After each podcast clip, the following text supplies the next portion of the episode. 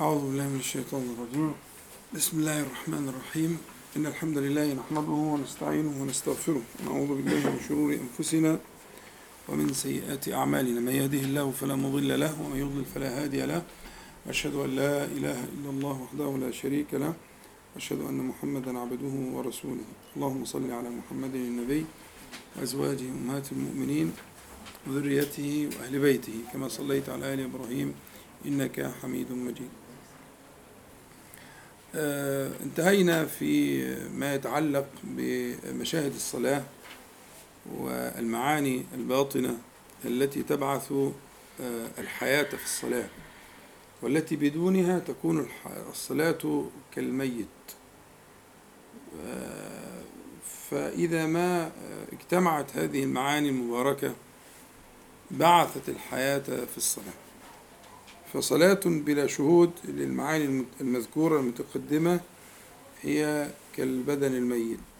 وصلاة فيها الشهود لهذه المعاني دبت فيها الحياة. والناس متفاوتون في حياة صلاتهم. فمنهم من حياة صلاته آه، حياة كاملة تامة.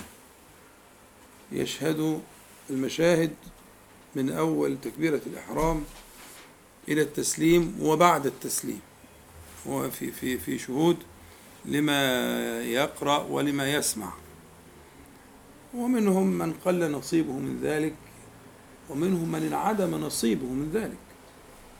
ولا حول ولا قوة إلا بالله. فلا يدري كم صلى ولا يدري ما قرأ أو ما قرئ عليه. لا يذكر. يعني لو سألته مثلا لو عملنا استفتاء دلوقتي هو إمام العشاء صلى بإيه؟ ربما تجد من لا يذكر.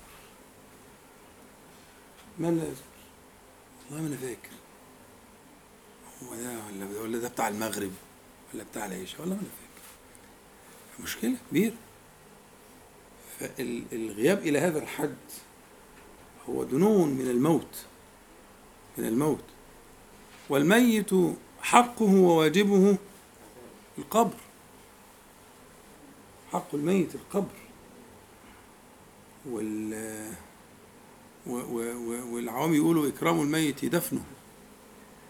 صحيح. يعني صلاة إكرامها ها دفنها. إيه دي؟ ما هذا إكرامها دفنها؟ أي والله. هل دي تليق بمقام الله تعالى أن تتوسل بها إلى الله تعالى وأن تتعبد بها؟ هذه المشكلة.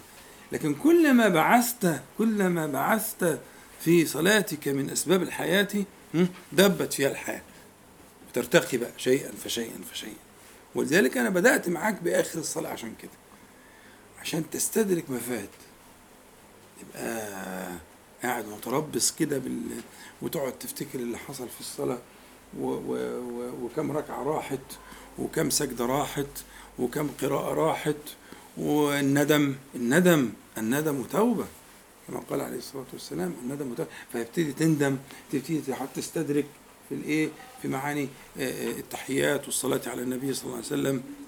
والمعاني الجميلة اللي إحنا قلناها دي ها؟ فنحن لا نزال نحن لا نزال في أسباب بعث الحياة في صلاتك. إلى أن تصل إن شاء الله تعالى وربنا ياخذ بأيدينا جميعا إلى أن تكون الصلاة كاملة تامة الحياة. تكون الصلاة تامة الحياة. ساعتها بقى تقول كما قال عليه الصلاة والسلام يا بلال أرحنا بها تبقى هي الراحة. يبقى أنت منتظرها على الأجواء في, في بعض الصحابة يقول والله ما جاءت صلاة إلا وانتظرتها على الأشواق. هو بقى قد إيه؟ بقى قد إيه على الصلاة؟ إنما ينتظرها على الأشواق. بس دي دي دي, دي منحة دي دي دي ده, عطية من الله تعالى رتبة. انت بتاخدها بقى لما إيه تجاه تجاه تجاه بتلاقي خلاص بقى تبقى في موعد انت مشتاق إلى موعد الحبيب. هم؟ لقاء الحبيب. زي التانيين بالظبط وأكتر. زي اللي بيقولوا الأشعار والأغاني والبتاع ها؟ في الشوق إلى الحبيب وانتظاره وإن أنت أكتر من دول كلهم. لأن أنت يعني هذه هي المعاني الرائقة. الخالية عن حظ النفس والشهوة. خالية عن حظ النفس وعن الشهوات.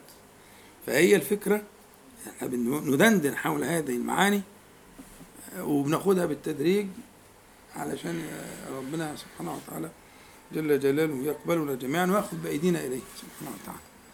إحنا بدأنا الحصة اللي فاتت في الكلام على معاني الصلاة على النبي عليه الصلاة والسلام.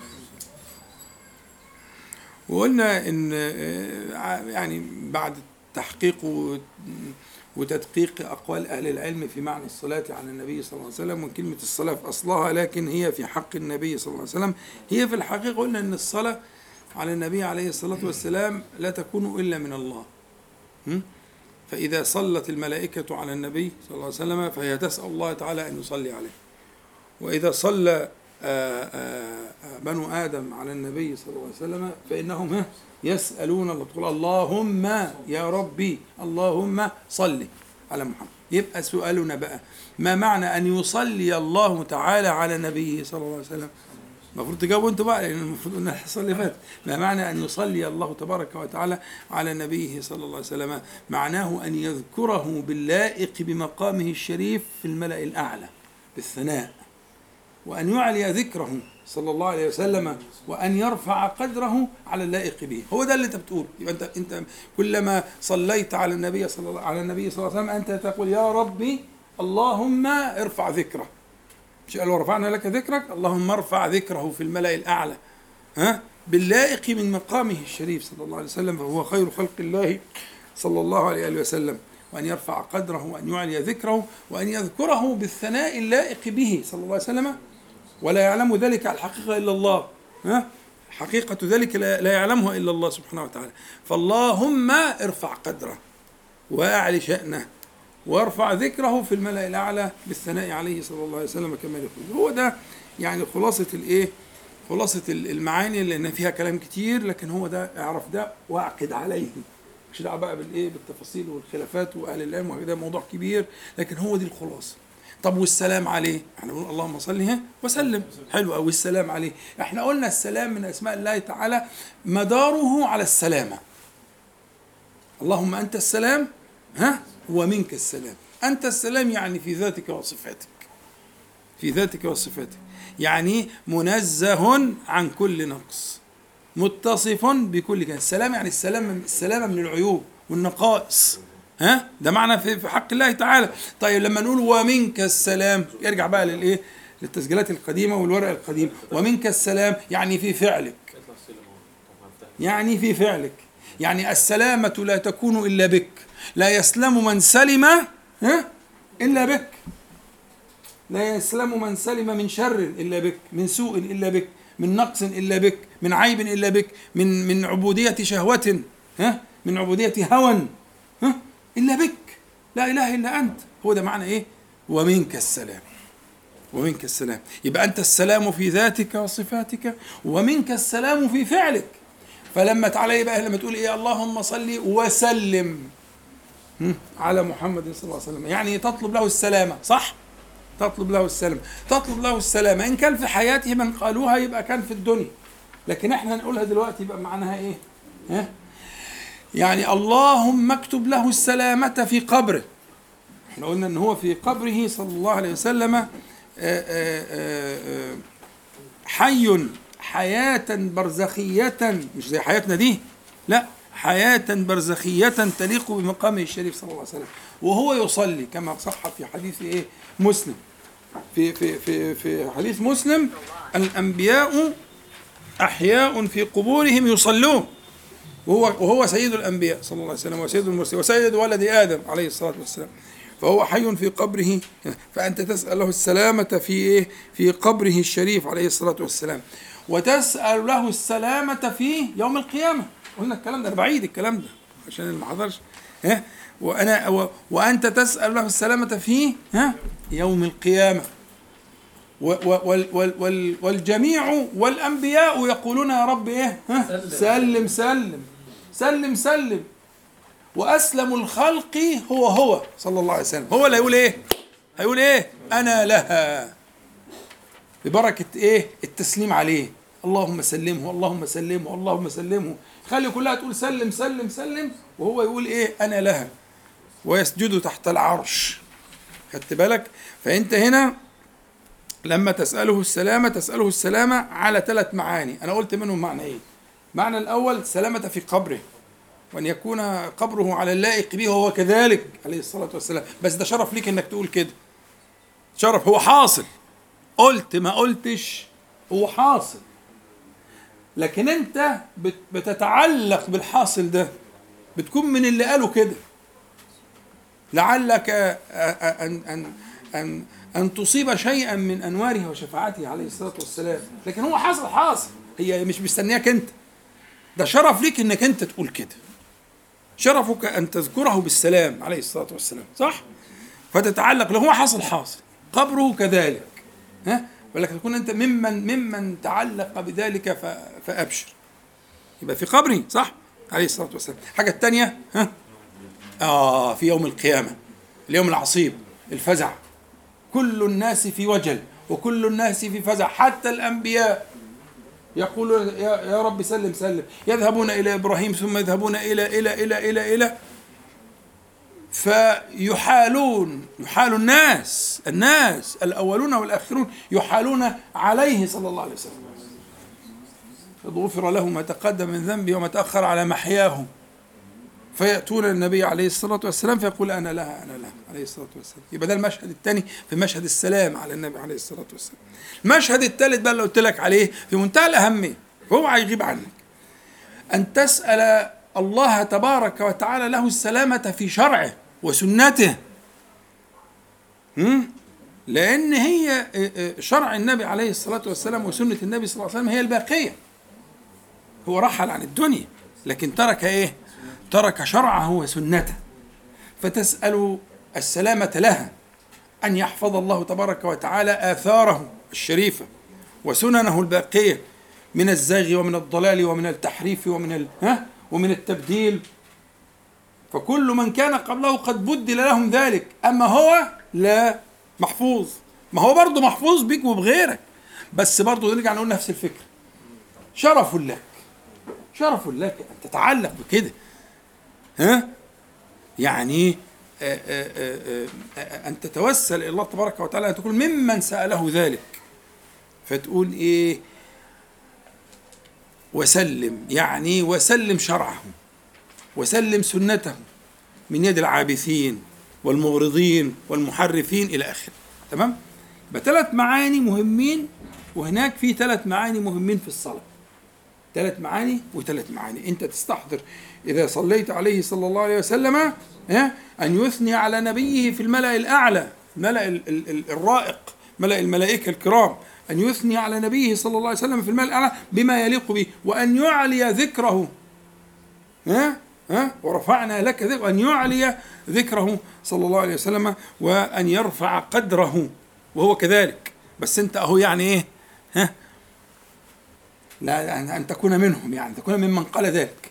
دول الثلاث معاني اللي موجودين في الصلاة. في ثلاث معاني موجودين في السلام اللي هم السلام عليه في قبره الشريف صلى الله عليه وسلم السلام عليه في يوم القيامة. السلام بقى من الله يعني السلامة. ها فهمتها أنت بقى؟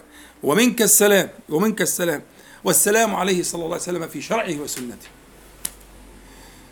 اللي فات ده كله إعادة. إحنا بنعيد اللي فات. بس برضه كويس. في الإعادة إفادة. وتأكيد وتركيز على المعاني عشان ما فيش حاجة تروح منكم. لأن أنت بتصلي على النبي عليه الصلاة والسلام في اليوم عشرات عشرات المرات. فانظر بقى هتستحضر المعاني دي. تجاهد نفسك. كلما جاهدت كل ما حلاوة الصلاة على النبي عليه الصلاة والسلام تجدها في فمك. أنا حكيت لكم حكاية الأخ اللي هو زميلي أكبر مني في السن. ها؟ كان معايا في المستشفى. وكان وقع في مشكلة كبيرة قوي قوي كبيرة من الكبائر. والمهم إيه ربنا سبحانه وتعالى هداه وقعدنا مع بعض وبتاع. المهم في الآخر إيه كنت بديله أوراد كده. بيني وبينه نترقى نترقى وهو كان ملتزم تمام الالتزام بالأوراد. كان تائب توبه حقيقيه يعني حقيقة. وبعدين ابديت ورد الصلاة على النبي صلى الله عليه وسلم وابتديت أتقل عليه في ورد الصلاة. واخد بالك؟ وهو كل مرة اختبره الاقيه آه ما شاء الله مواظب وصادق. والله هذا حصل. وبعدين في الآخر جالي بعد فترة بعد ما قعدنا بقى شهور يعني الحمد لله. أقسم لي بالله وطبعا كانت دموع في عينيه. ان هو لما بيخلص ورد الصلاة على النبي عليه الصلاة والسلام بيحس إن في حلاوة في بقه مش عارف مع حقيقية يعني. زي ما يكون كان واكل حاجة مسكرة آه، شوكولاتة مش المهم يقول لي أقعد أفتكر أنا أنا ما حطيتش ده لسه الصبح ده أنا قاعد كان بيقول ورد بعد الفجر الورد يقسم لي بالله إن هو كان يجد حلاوة في فمه من ورد الصلاة على النبي عليه الصلاة والسلام. ولا استبعدش كده. وده شخص عادي جدا جدا جدا. بس هي الطريق مفتوح. طريق الذكر مفتوح. أين السالكون؟ لا تقول لي بقى شيخ ولا حافظ القرآن ولا عارف ولا معاه أصول فقه ولا فقه ولا حاجة إطلاقا. معهوش غير إن هو تائب الله تعالى ومحب لله ولرسوله صلى الله عليه وسلم. وكان بيقعد وبيلتزم فجات له كرامة عشان تثبته. ما دي كرامة من عند ربنا. ها؟ عليكم السلام. كرامات كرامات باب لا يغلق إلى يوم القيامة. ها؟ دي مش معجزات أنبياء دي كرامات. فجات له كرامة عشان تثبت تربط على قلبك والباب مفتوح. ليا وليك وللجميع الباب مفتوح. ها؟ ف ال ال ال ال ال بس بقى بتفرق كتير لما أنت تكون تصلي عليه صلى الله عليه وسلم وأنت مستحضر المعاني دي وأنت غايب بقى انت بتقول ده الناس بتقول. ولا أنت فاهم أصلا المعنى إيه؟ صلاة هي صلاة ركوع وسجود ولا هي صلاة إيه ولا لا مش كده يا ابني الحكاية مش كده. حكاية حاجة تانية خالص حكاية أفق عالي جدا جدا. خلاص؟ طب كده هنعيد الدرس مرة. طيب هو المفروض إن إحنا قلنا المعاني الباطنه بقى في في الصلاة على النبي صلى الله عليه وسلم بيقروها يعني في الورقة اللي فاتت دي عشان كده أنا كفاية عليا الإيه في التشويق للحصة اللي فاتت. نتكلم في الكلام بتاع الدرس النهارده إن شاء الله. إحنا هنتكلم على سؤال طرحناه. سؤال طرحناه. طرحه بعضكم وأنا طرحته مرات قبل ذلك. اللي هو فكرة إيه؟ فكرة اللهم صل على محمد وعلى آل محمد كما صليت على إبراهيم وعلى آل إبراهيم. إنك حميد مجيد. الأصل في حاجة؟ الأصل في التشبيه إيه؟ إن المشبه به يكون أقل أعلى من المشبه. خلاص؟ يعني الأصل إن الصلاة على النبي عليه الصلاة والسلام هي أقل من الصلاة على إبراهيم على آل إبراهيم. ولكن الحقيقة غير كده. إحنا معتقدين غير كده. معتقدين أنه ما من عبد من عباد الله بلغ ما بلغ محمد صلى الله عليه وسلم. ولا إيه؟ ها؟ ده اعتقادنا. طب إيه الحكاية بقى؟ إيه الحكاية كما صليت على إبراهيم وعلى آل إبراهيم؟ إزاي توجيهها إيه؟ أهل العلم لها في المسألة دي لهم في المسألة دي مقالات كثيرة. يعني ابن القيم وصلهم لعشرة وأكثر. تمام؟ لكن إحنا هنختار لكم منهم ثلاثة أو اثنين وواحدة لها فرع كده. تمام؟ عشان نفهم المعنى. الورق اللي في إيديكم ده هقراه معاكم إن شاء الله. بس قبل ما اقراه هقول لكم كده الموضوع. نلمه في كلمتين. بالعامية كده وبعد كده إن شاء الله نقراها بالتفصيل. نقرأ كلمة كلمة إن شاء الله. بس الأول ركزوا معايا من غير الورق وهقرأ معاكم الورق كلمة كلمة. ركزوا معايا الورق عشان تفهموا الفكرة بتاعتها. تمام؟ الفكرة بتاعتها إن الوجه الأول في توجيه الصلاة على النبي عليه الصلاة والسلام مشبهة بالصلاة على إبراهيم عليه السلام. إيه الفكرة؟ الفكرة إنه اللي بيقول كده بيقصد آه، آه، التشبيه بالأصل وليس بالقدر. يعني أصل من نوع يعني. صلاة كنوع الصلاة التي صليتها على إبراهيم مع اختلاف الإيه؟ القدر. وده توجيه سهل وبسيط جدا. وكلام العرب جرى على ذلك. والقرآن الكريم فيه المعنى ده متكرر جدا وجايب لكم أنا أربع خمس ست آيات من القيم قايلهم وكده فيهم نفس المعنى. إن أنت التشبيه مش مراد به الإيه؟ القدر مراد به الجنس. يبقى صلاة كجنس صلاة إبراهيم مع ما يليق بقدره عليه الصلاة والسلام عندك. توجيه سهل. مظبوط؟ توجيه سهل. يبقى ده قسم القسم الثاني اللي هنقراه برضه إن شاء الله عشان تبقى مركز وأنت بتقرأ إن محمد صلى الله عليه وسلم من آل إبراهيم. بالنص. محمد صلى الله عليه وسلم ولده. تمام. ولد إبراهيم. تمام؟ بالقرآن والسنة وإجماع الأمة ومفيش خلاف. اللي خالف في كده؟ يبقى كافر تمام؟ فإذا قلت آل إبراهيم فمحمد صلى الله عليه وسلم من آل إبراهيم فأخذ حظه من ذلك. يبقى هو في الصلاة على آل إبراهيم على إبراهيم وعلى آل إبراهيم فمحمد صلى الله عليه وسلم هو من آل إبراهيم. وبالتالي النبي صلى الله عليه وسلم يصلى عليه صلاة مستقلة ويصلى عليه صلاة في آل إبراهيم. يبقى رتبته وحظه أعظم من كل خلق الله ليه؟ لأنه صلي عليه صلاة آه، مستقلة لا يشاركه فيها غيره صلى الله عليه وسلم ثم صلي عليه في إيه؟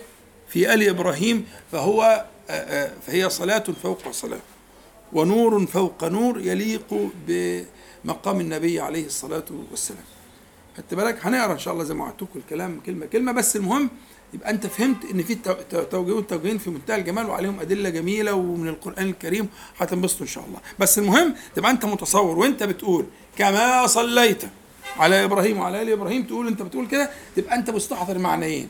يعني في الجنس مع ما يناسب قدره عليه الصلاة والسلام. يفرق هو في القدر في القدر. لكن كجنس صلاته. هجيب لك الايات دلوقتي إن شاء الله. أو تقصد أنه وقد دخل في آلك يا إبراهيم وهو ابنك فهو داخل في الصلاة عليه في آله صلى الله عليه وسلم. ماشي؟ طيب نبدأ بقى القراية وتركزوا بقى معايا وتصلوا على حضرة النبي عليه الصلاة والسلام. إحنا بنقول إيه؟ المعنى الأولاني اللطيف اللي قلناه اللي هو قالت طائفة أخرى التشبيه المذكور إنما هو في أصل الصلاة لا في قدرها ولا في كيفيتها فالمسؤول إنما الذي تسأل المسؤول عن الشيء الذي تسأله الذي تسأله أنت. فالمسؤول إنما هو راجع إلى الهيئة لا إلى قدر الموهوب. آه كما امشي سطرين كده كقوله تعالى وأحسن كما أحسن الله إليك. محال يقصد به لأن إحسان الله تعالى لا يبلغه إحسان. مظبوط؟ في قوله تعالى وأحسن كما أحسن الله إليك يعني في الجنس. إحسانا يليق بك. لكن هل تدرك إحسانا كإحسان الله تعالى؟ هيهات. تمام. بس هنا المشبه والمشبه به على القاعدة نعم. المشبه به أعلى من المشبه قدرا ونوعا وكل حاجة اللي هو أحسن كما أحسن الله إليك. أيوه. يعني هنا استدلال في ده وفي ده. يعني هي هي يعني الآية هنا ماشيه مظبوط ما فيهاش مشاكل خالص. إزاي؟ يعني واحسن كما أحسن الله إليك. أيوه. احسان الله سبحانه وتعالى أكثر وأعظم. طيب إزاي إزاي تش... إزاي تبلغه كيف تبلغه؟ لا مش كيف تبلغه هي يعني الفكرة لا لا ما أنا عارف. هو كما صليت على إبراهيم إحنا عندنا الاشكاليه فين؟ إن الصلاة أيوه العكس. هنا موجود جاية الايات آه. آه. بس برضه هنا هنا في فارق كبير بين المشبه والمشبه به. مش كده؟ آه. بين إحسان المخلوق وإحسان الخالق. تمام؟ يبقى الغرض منه إيه؟ جنس الإحسان. لكن قدر الإحسان محال. كيفية الإحسان محالة. أنا عايز أوصل للنتيجة دي. فهمت يا مصطفى؟ فاهم. يعني هي الشاهد هنا. بس بس طول بالك. ما أنا قلت لك هتلاقي مشبه به أعلى من المشبه ومشبه به أقل من المشبه. هتلاقي ده وهتلاقي ده. بس مش ده المهم. المهم عندي إن أنا بس جاية في الآيات كلها. بس ما تستعجلش. أنا المهم عندي أنا بثبت لك إيه؟ بثبت لك إن إن المشبه به والمشبه يشتركان في الجنس. ولا قدر ولا كيفية. لا قدر ولا كيفية. مفهوم؟ وده اللي أنا عايز أقوله. فهمتوا الكلام؟ تمام. إيه، كقوله تعالى إنا أوحينا إليك كما أوحينا إلى نوح والنبيين من بعده يقول هذا التشبيه في أصل الوحي لا في قدره وفضل الموحى به. ففضل الموحى به القرآن الكريم لا يقارن به أي كتاب من الكتب التي كانت قبله. طيب وكقوله تعالى في أوائل الأنبياء فليأتنا بآية كما أرسل الأولون. إنما مرادهم جنس الآية لا نظيرها. وقوله تعالى وعد الله الذين آمنوا منكم وعملوا الصالحات لا يستخلفنهم في الأرض كما كما استخلف الذين من قبلهم وليمكنن لهم دينهم الذي ارتضى لهم. ومعلوم أن كيفية الاستخلاف مختلفة. وأما وأن ما لهذه الأمة أكمل مما لغيرهم يعني من الاستخلاف والدولة والنصرة إلى آخره. لم يكن لأمة سبقت مثل ما كان لأمة النبي عليه الصلاة والسلام.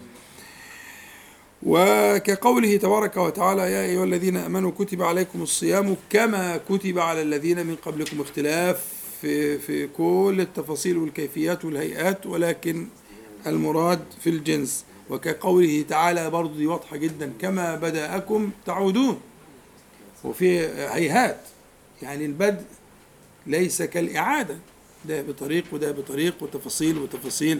لكن الم- المراد في التشبيه يعني هنا التشبيه دايما في كل الأمثلة دي المراد فيه آه، آه، في أصل الشيء في جنس الشيء وليس في قدره ولا في كيفيته.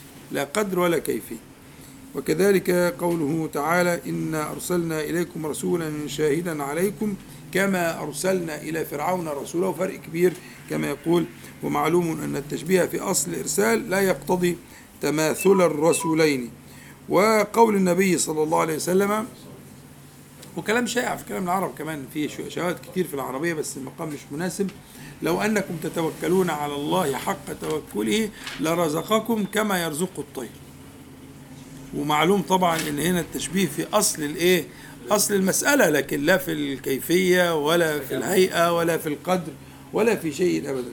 فهنا كما يقول فالتشبيه هنا في أصل الرزق لا في قدره ولا كيفيته ونظائر ذلك كثيرة جدا.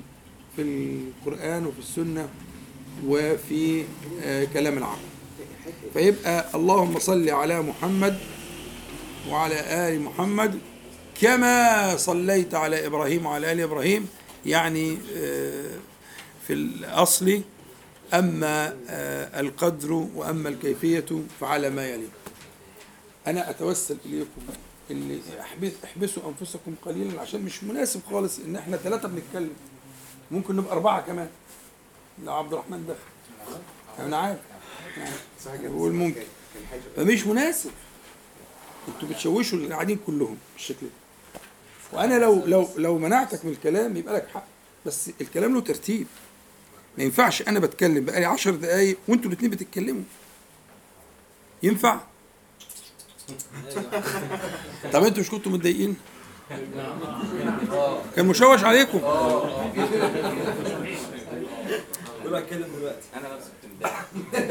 لا بصراحة يعني أنا ما عنديش مانع بس يعني رتب الكلام. وبعدين اللي خلاص خلاص معاك قلم اكتب ملاحظات دون ملاحظة.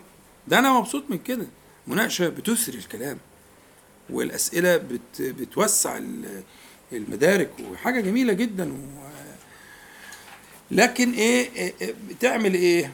يا إما قلم يا إما بقى بالوسائل الحديثة التليفونات اللي معاك والكلام ده. اكتب كلمة اللي تعبينك دول ملاحظة أو تنبيه أو سؤال. وبعدين لما ناخد وقفة على جزيرة من جزر الكلام نفتح الكلام ونتناقش ولا ما فيش مشكلة خالص. لكن التشويش ده ما فيش مصلحة فيه غير للشيطان. استعيذوا بالله من الشيطان الرجيم. أعوذ بالله من الشيطان الرجيم. اتفضل قول يا عم اللي أنت بتقول اتفضل. لا سو كان في سؤال بس هو في أصلا تشبيه في أي تشبيه أصلا قبل كده خدناه أو في أي حتة ان هو زي بعض بالظبط أصلا هو تشبيه أصلا أصلا مغيره يعني التشبيه نفسه ده أكيد في الجنس بس يعني مفيش تشبيه قدره زي التاني. يعني في أي شبهة في أي تشبيه أصلا. طيب. ولا في تشبيه زي بعض. حاضر. أنا هعيد السؤال والإجابة أنا عارف طبعا الدكتور حسين ما بتسمعش صوته كويس. هو بيقول إيه؟ بيقول إن التشبيه إن هو بي بي متصور إن التشبيه الاصل فيه المباينة بين المشبه والمشبه به خلاص؟ ف آه، وبالتالي ده في كل في كل تشبيه. فإيه المعنى إن إحنا بن يعني آه، كأن لا يرى يعني إن المسألة تنطرح من الأصل لا وجه لطرحها لأن الأصل كده المبين فكده دي إجابة هيجاوبها هو يضيف على الإجابات اللي اجابها ابن القيم يعني في جلال الأفهام. لا أنا هقول لك إيه شوف يا سيدي.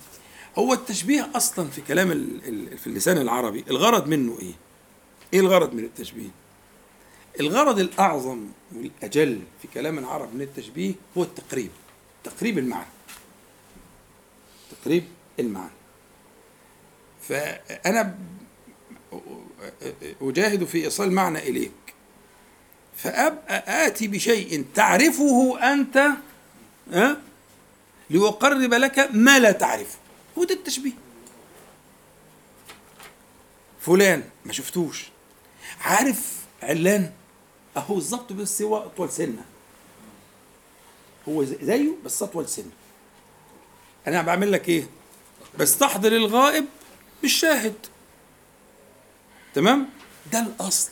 بس الأصل ده بقى قاعد يتشكل لأن وسيلة التشبيه دي وسيلة خطيرة جدا في الكلام وشائعة في كل الألسن البشرية. طريقة عتيدة في البيان. طريقة عتيدة في البيان. فتنوعت وتنوعت لدرجة إن أحيانا يبقى المشبه به غير مدرك. بس مدرك في معنى لكن هو غير مدرك. طلعها كأنه ها؟ طب هو حد أصلا كان شاف الشيطان عشان يعرف رأس الشيطان؟ عشان أقرب طلع الشجرة طلع الطلح يعني الثمرة بتاعتها يعني. عشان أقرب ثمرة الشجرة دي براس الشيطان.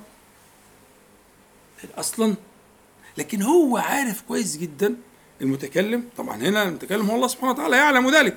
لكن المتكلم ما بيجيب حاجة زي كده بيجيبها عشان إيه؟ بيجيبها علشان أنت مستبشع جدا صورة الشيطان. فهتفترض لصورة الشيطان أبشع صورة وأبشع راس وبالتالي فطلعها كأبشع ما تتصور. وافتح لخيالك العنان في البشاعة. هنا إيه؟ هنا هنا ما- حدكش بقى. عايزك تنطلق تنطلق ثم تنطلق في البشاعة. فهنا المشبه به أصلا غير مدرك أصلا. تمام؟ واحيانا يقلبوها.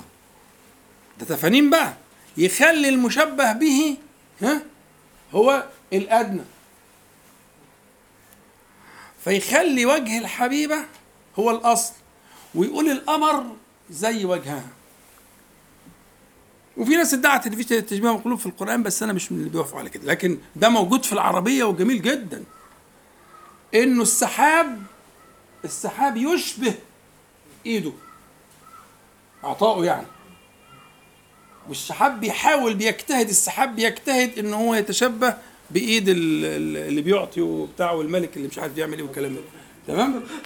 أقول حتة الدكتور مش والله هعمل إيه بس عشان خاطر بس؟ أنا قلت ياسر أنا ماليش دعوه أنا معايا ياسر عشان بس إحنا سمعنا نقول اتكلموا اتكلموا بعد كده أقول له اسكت مش هينفع. خلص انت بالك؟ فهي الفكرة إنه التشبيه أداة ثريه جدا ومعطاءه جدا. فإحنا لما نيجي نقول الأصل في التشبيه الفرق لا.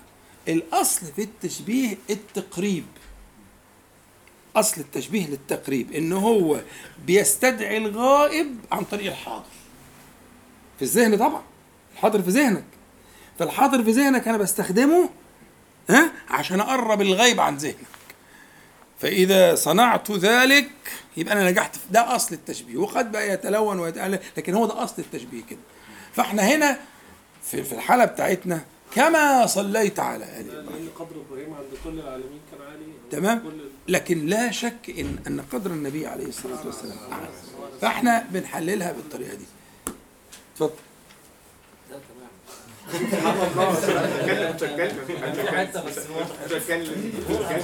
لا اتكلم. بس ما, ما تقوليش مش هتكلم. السؤال بتاعي أنا أسعد الناس بالمناقشة والكلام. بس يبقى بقى يعني ما, ما نعملش وانتوا مش قاعدين في آخر صف اللي قاعد في آخر صف هبقى متداري شوية لكن أنتوا قاعدين في في الوجه يلا. طيب صلوا على النبي عليه الصلاة والسلام. التأويل الثاني اللي قلناه اللي هو فكرة أن أن محمدا صلى الله عليه وسلم هو من آل إبراهيم بيقول لك إيه؟ وقالت طائفة أخرى آل إبراهيم فيهم الأنبياء الذين ليس في آل محمد مثلهم. فإذا طلب للنبي صلى الله عليه وسلم ولآله من الصلاة مثل ما لآل إبراهيم وآله وفيهم الأنبياء حصل لآل النبي صلى الله عليه وسلم من ذلك ما يليق بهم. لكن فإنهم لا يبلغون مراتب الأنبياء. وتبقى الزيادة التي للأنبياء وفيهم إبراهيم لمحمد صلى الله عليه وسلم فيحصل له بذلك من المزية ما لم يحصل لغيره. وتقرير ذلك ما يقول لك كلمة تقرير في الكتب يعني إيه؟ يعني بيانه. بأدلته وضحوا لأن الكلمة هي بصراحة عاملة حاجة تنفع الجماعة المهندسين اللي حضرتك هي رياضة. رياضة. فتقول اللهم صل على إبراهيم وعلى آل إبراهيم. آل إبراهيم فيهم أنبياء صح؟ فهنتصور أن الصلاة على على إبراهيم وعلى آل إبراهيم آه، آه، ألف وحدة مثلا. ألف وحدة تمام؟ كما يعني كما صليت على إبراهيم عليه. فهينزل على النبي عليه الصلاة والسلام وقال النبي صلى الله عليه وسلم الألف وحده دول. لما يجوا يتوزعوا على آل النبي عليه الصلاة والسلام مش هياخدوا المقدار اللي خدته الأنبياء. مش كده؟ كان الأنبياء اللي هم من آل إبراهيم واخدين مثلا 500 وحده 500 لإبراهيم و500 للإيه؟ لآل لآل إبراهيم. فال 500 دول لما يجوا ينزلوا على آل محمد صلى الله عليه وسلم مش هينفعوا. هيزيدوا. ليه؟ لأن مش هيستووا مع آل إبراهيم لأن إبراهيم فيه الأنبياء. فلا يبلغ أحد من آل إبراهيم رتبة الأنبياء وبالتالي ال 500 دول لما ينزلوا على آل إبراهيم هيعملوا كام؟ 100 يتبقى 400 يروحوا فين؟ للنبي عليه الصلاة والسلام. هندسة؟ هو هيعدلها بعد كده. هو يقول لها بس هو هيروح واخد بقى هو الختم الختام بتاعه اللي هو اللي أنا قلته اللي هو إيه؟ أن محمدا صلى الله عليه وسلم من آل إبراهيم فدخل هنا ودخل هنا. دي هو اللي مستحسنها وجعلها هي المرضية عنده فهمت الفكرة؟ يقول لك وتقرير ذلك هيشرح ذلك. إيه بقى تقرير ذلك؟ أن يجعل الصلاة الحاصلة لإبراهيم ولآله وفيهم الأنبياء جملة مقسومة جملة يعني عدد أهو سين. مقسومة على محمد صلى الله عليه وسلم وآله ولا ريب أنه لا يحصل لآل النبي صلى الله عليه وسلم مثل ما حصل لآل إبراهيم وفيهم الأنبياء. بل يحصل لهم ما يليق بهم. فيبقى قسم النبي صلى الله عليه وسلم أو قسم النبي صلى الله عليه وسلم والزيادة المتوفرة التي لم يستحقها آله مختصة به صلى الله عليه وسلم فيصير الحاصل له من مجموع ذلك أعظم وأفضل من الحاصل لإبراهيم وهذا أحسن من كل ما تقدمه من الإيه؟ من اللي كان كان التاسع من الثمانية اللي قبليه. هو ذكر ثمان أقوال. وإن كنت أنا أميل للي أنا قلته الأول بصراحة. أنا أستحسنه جدا. اللي هو آه, آه طبعا لأن شواهده في القرآن وفي السنة وفي اللغة كثيره جدا جدا. وهنا يبقى آه, آه، فتحنا الباب للقدر. إحنا بنقول الجنس أما القدر فلا يعلمه إلا أنت. فبلغه يا ربي ما تعلمه أنت ولا أعلمه أنا. من القدر في الصلاة عليه صلى الله عليه وسلم. معنى جميل. الحقيقة وطبعا يعني المسألة فيها سعة ولما يكون فيها أكثر من برضه بتفسر المعاني كلام لا بأس به. بيقولوا أحسن منه أن يقال محمد صلى الله عليه وآله وسلم هو من آل إبراهيم بل هو خير آل إبراهيم. كما روي كما روى علي بن أبي طلحة عن ابن عباس رضي الله عنهما في قوله تعالى إن الله اصطفى آدم ونوحا وآل إبراهيم وآل عمران على العالمين. قال ابن عباس رضي الله عنهما محمد من آل إبراهيم وهذا نص. فإنه إذا دخل غيره من الأنبياء الذين هم من ذرية إبراهيم في آله فدخول رسول الله صلى الله عليه وآله وسلم أولى. فيكون قولنا كما صليت على آل إبراهيم متناولا للصلاة عليه وعلى سائر النبيين من ذرية إبراهيم. ثم قد أمرنا الله أن نصلي عليه وعلى آله خصوصا بقدر ما صلينا عليه مع سائر الأنبياء مع سائر آل إبراهيم عموما وهو فيهم ويحصل لآله من ذلك ما يليق بهم ويبقى الباقي, كله للنبي عليه الصلاة والسلام. هو تطوير للي فاتت. هو بدل ما كانت كده قسمة لا هو دخله كمان هناك بالنص. دخل في آل إبراهيم في أنبياء فهو بل هو خير أنبياء آل إبراهيم. خلاص؟ وتقرير هذا أنه يكون قد صلى عليه خصوصا وطلب له من الصلاة ما لآل إبراهيم وهو داخل معهم ولا ريب أن الصلاة الحاصلة لآل إبراهيم ورسول الله صلى الله عليه وسلم معهم أكمل من الصلاة الحاصلة له دونهم. فيطلب له من الصلاة هذا الأمر العظيم الذي هو أفضل مما لإبراهيم قطعا ويظهر حينئذ فائدة التشبيه وجريه على أصله. وأن المطلوب له من الصلاة بهذا اللفظ أعظم من المطلوب له بغيره فإنه إذا كان المطلوب بالدعاء إنما هو مثل المشبه به وله أوفر نصيب منه صار له من المشبه آه، المطلوب أكثر مما لإبراهيم وغيره وانضاف إلى ذلك مما له من المشبه به من الحصة التي لم تحصل لغيره. أظن كده وضحت بالمثل اللي قلته بالعامية كده. تمام. فظهر بهذا. ده بيختم بقى الفصل الجميل. هو من أجمل فصول الكتاب الفصل السادس. هو الفصل السادس في هذا الكتاب. كتاب جلاء الأفهام للإمام ابن القيم آه، رحمه الله. فظهر بهذا من فضله وشرفه على إبراهيم وعلى كل من آله وفيهم النبيون ما هو اللائق به. وصارت هذه الصلاة دالة على هذا التفصيل التفضيل آه، وتابعة له. وهو من موجباته ومقتضياته. فصلى الله عليه وعلى آله وسلم تسليما كثيرا وجزاه عنا أفضل ما جزى نبيا عن أمته. اللهم صل على محمد وعلى آل محمد كما صليت على آل إبراهيم إنك حميد مجيد. وبارك على محمد وعلى آل محمد كما باركت على إبراهيم وعلى آل, على آل إبراهيم إنك حميد مجيد. انتهى الكلام وانتهى النقل ويبقى موعدنا المرة الجاية نزود إن شاء الله. لماذا هذان الاسمان؟ عشان تفتكروا الوقت لماذا هذان الاسمان؟ إنك حميد مجيد. ليه؟ ليه كانت الصلاة الإبراهيمية؟ ما إحنا كده كده إن شاء الله نبقى خلصنا الصلاة الإبراهيمية. ليه الصلاة الإبراهيمية؟ إنك حميد مجيد. ولله الأسماء الحسنى. اشمعنى إيه إيه وجه الدلالة والمناسبة بين الصلاة على النبي صلى الله عليه وسلم بهذه الطريقة وبين قول آه، القائل إنك حميد مجيد. وأنا قلت لك إن إنك دي لما بتيجي مع قبلها جملة إنشائية اللي هي طلب أو أمر أو نهي مش كده؟ مش قلنا الكلام ده؟ أي طلب أمر نهي يجي بعدها إنك يبقى دي مقام الإيه؟ ها؟ التعليل. يعني كأنك بتقول لأنك. أي آية أي كلام العرب. لما يجي كلام إنشائي. انشائي يعني إيه؟ مش خبري. يعني أمر نهي طلب دعاء كلها من الحاجات دي. أي حاجة من الحاجات دي تيجي. وتلاقي بعديها إنك كذا أو إنه كذا أو ان مش عارف إيه ها؟ يبقى دي في مقام الإيه؟ العلة. علة الأمر السابق علة النهي السابق علة الطلب السابق علة ما سبق يعني. تعلله. فأنت لو حطيت بعديها كلمة لأن يبقى أنت فهمت. فأنت هنا في الصلاة على حضرة النبي عليه الصلاة والسلام بتقول إنك حميد مجيد يعني بتقول إيه؟ لأنك حميد مجيد. إشمعنى دول؟ ليه الاسمين دول؟ إيه وجه الاقتران بينهم؟ وإيه معنى كل واحدة فيهم؟ الحصه الجايه بقى إن شاء الله وتاخدوا راحة. أعوذ بالله من الشيطان الرجيم. بسم الله الرحمن الرحيم. الحمد لله رب العالمين. اللهم صل على محمد النبي وأزواجه أمهات المؤمنين وذريته وأهل بيته كما صليت على آل إبراهيم إنك حميد مجيد. أما بعد ف آه، كنا بدأنا في قصة آه، الغلام والساحر والراهب آه، في هذا الحديث.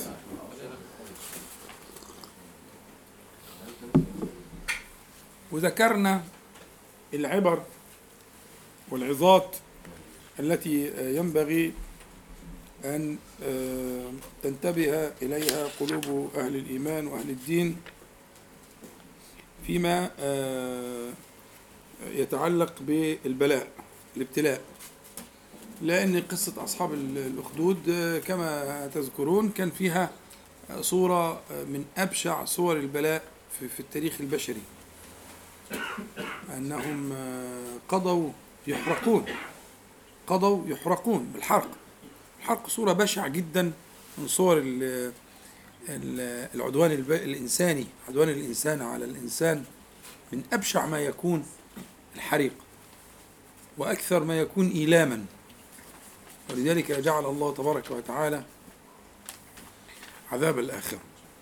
فهذه الصورة البشعة آه، طرحت أسئلة وأجبنا عنها ومن أراد أن يرجع إليها فليرجع. ودرنا في فلك آيات آه، بعض الآيات آه، التي كانت في سورة آل عمران وكان فيها آه، المواساة لأهل الإيمان وللنبي عليه الصلاة والسلام لما أصابهم في أحد. و والآيات كثيرة طبعا جدا. لكن إحنا اقتصرنا منها على آيات ثلاثة آه، أو على ثلاث آيات. ال- ال- اللي هي يعني كانت ربما تجمع المقاصد التي نريدها كلها.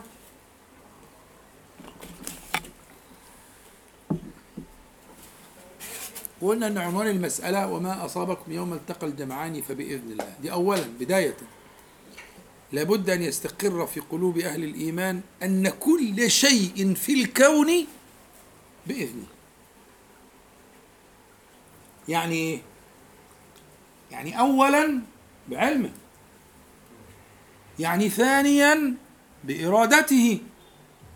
يعني ثالثا بقدرته. يعني رابعا بحكمته. يعني خامسا برحمته.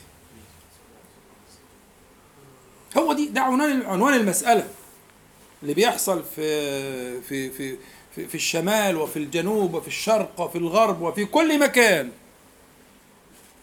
بإذن. فإياك ثم إياك. ده هي النهاية في الحكاية الحكاية من أولها لآخرها ابتلاء واختبار استخراج ما في قلبك من الإيمان. أوعى تغفل واوعى تغيب عن المقاصد التي من أجلها كان ما كان. وما أصابكم يوم التقى الجمعان فبإذن الله. دي كانت القاعدة اللي أنت لازم تعرف إن لا خير ولا شر بيكون إلا بالله. تقول لي والشر أقول لك والشر هو مين اللي خلق إبليس؟ أكبر مصدر للشر في الكون. مصدر الشر الأعظم في الكون. مين اللي خلقه؟ طب خلقه ليه بقى؟ فما يكون من شر وما يكون من خير في الكون إنما هو بالله بس بإيه؟ من وراه المعاني اللي إحنا قلناها. من وراء الحكمة البالغة. حكمة بالغة فما تغني النذر. فين المتد... أين المتدبرون؟ لحكمة الله تعالى. أين المتفكرون؟ آه. وبعدين خلي بالك كتب على نفسه الرحمة. ودي آية ودي آية في القرآن. يعني إيه يعني مقطوع بأن كل أفعاله سبحانه وتعالى وإن بدت لباد النظر غير ذلك فكل أفعاله تبارك وتعالى بالرحمة.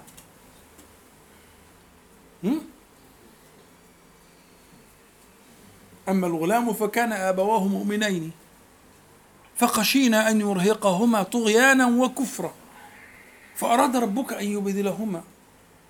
خيرا منه زكاة وأقرب رحمة. بس ده المنظر كان صعب قوي ده فتحوا الباب لقوا الواد مذبوح. الخضر ذبح الولد. وعيل طفل. لا شراني ولا وحش ولا ولا ولا حاجة خالص. بس فيه وراء النظر نظر. وراء التقدير تقدير. وراء الفهم فهم. انتبه. انت بتعبد إله متصف بالكمال منزه عن النقص. فحذاري من الغفلة. إيمانك بأسماء الله تعالى وصفاته على الكمال والتمام هو الذي يعينك في فهم أقداره سبحانه وتعالى. أقداره في فهم أقدار الله تبارك وتعالى. تمام؟ فاحنا آآ آآ مش عايز اعيد برضو عشان مش كل حصه روح اللي فات لكن ارجع عشان تشوف المعاني البديعة الجميلة العظيمة. ولا تهنوا ولا تحزنوا وأنتم الأعلون إن كنتم مؤمنين. وقلنا معنى إن كنتم مؤمنين. معاني لطيفة جدا ورقيقة جدا فأرجو أن ترجع عليها عشان بقاش في عادة ولا تهنوا ولا تحزنوا. وأنتم الأعلون إن كنتم مؤمنين. إن يمسسكم قرح فقد مس القوم قرح مثله. ها ها وتلك الأيام نداولها بنون العظمة. بنون العظمة نداولها نحن. الله جل جلاله. عشان ما يغيبش عنك ليه؟ وتلك الأيام نداولها بين الناس. وليعلم. هنا العلم مش اللي سابقه جهل افهم. ده العلم ده علم الإظهار. علم اللي سابقه جهل ده علمي وعلمك.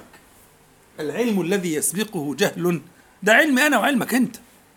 لكن علم الله تعالى يقول وليعلم الله ليعلم يعني معناها ليظهر. في حيز الوجود ليكون برهانا ودليلا. خدت بالك؟ المعاني دي معاني لطيفة وجميلة. فأرجو أن تعودوا إليها وإحنا اتكلمنا على هذا المعنى. من القصة التي حكيناها في الايه في في في في في, ال في الحديث الصحيح اللي موجود في الصحيح وقلنا روايته وعلقنا عليه. لكم في رقبتي الصورة لأن قلنا ال- الموضوع مش هيكتمل إلا لما نقرأ الصورة ونشرح الصورة ونفهم إيه المعاني ال ال ال التي أبرزتها الصورة لهذه الإيه لهذه الواقعة.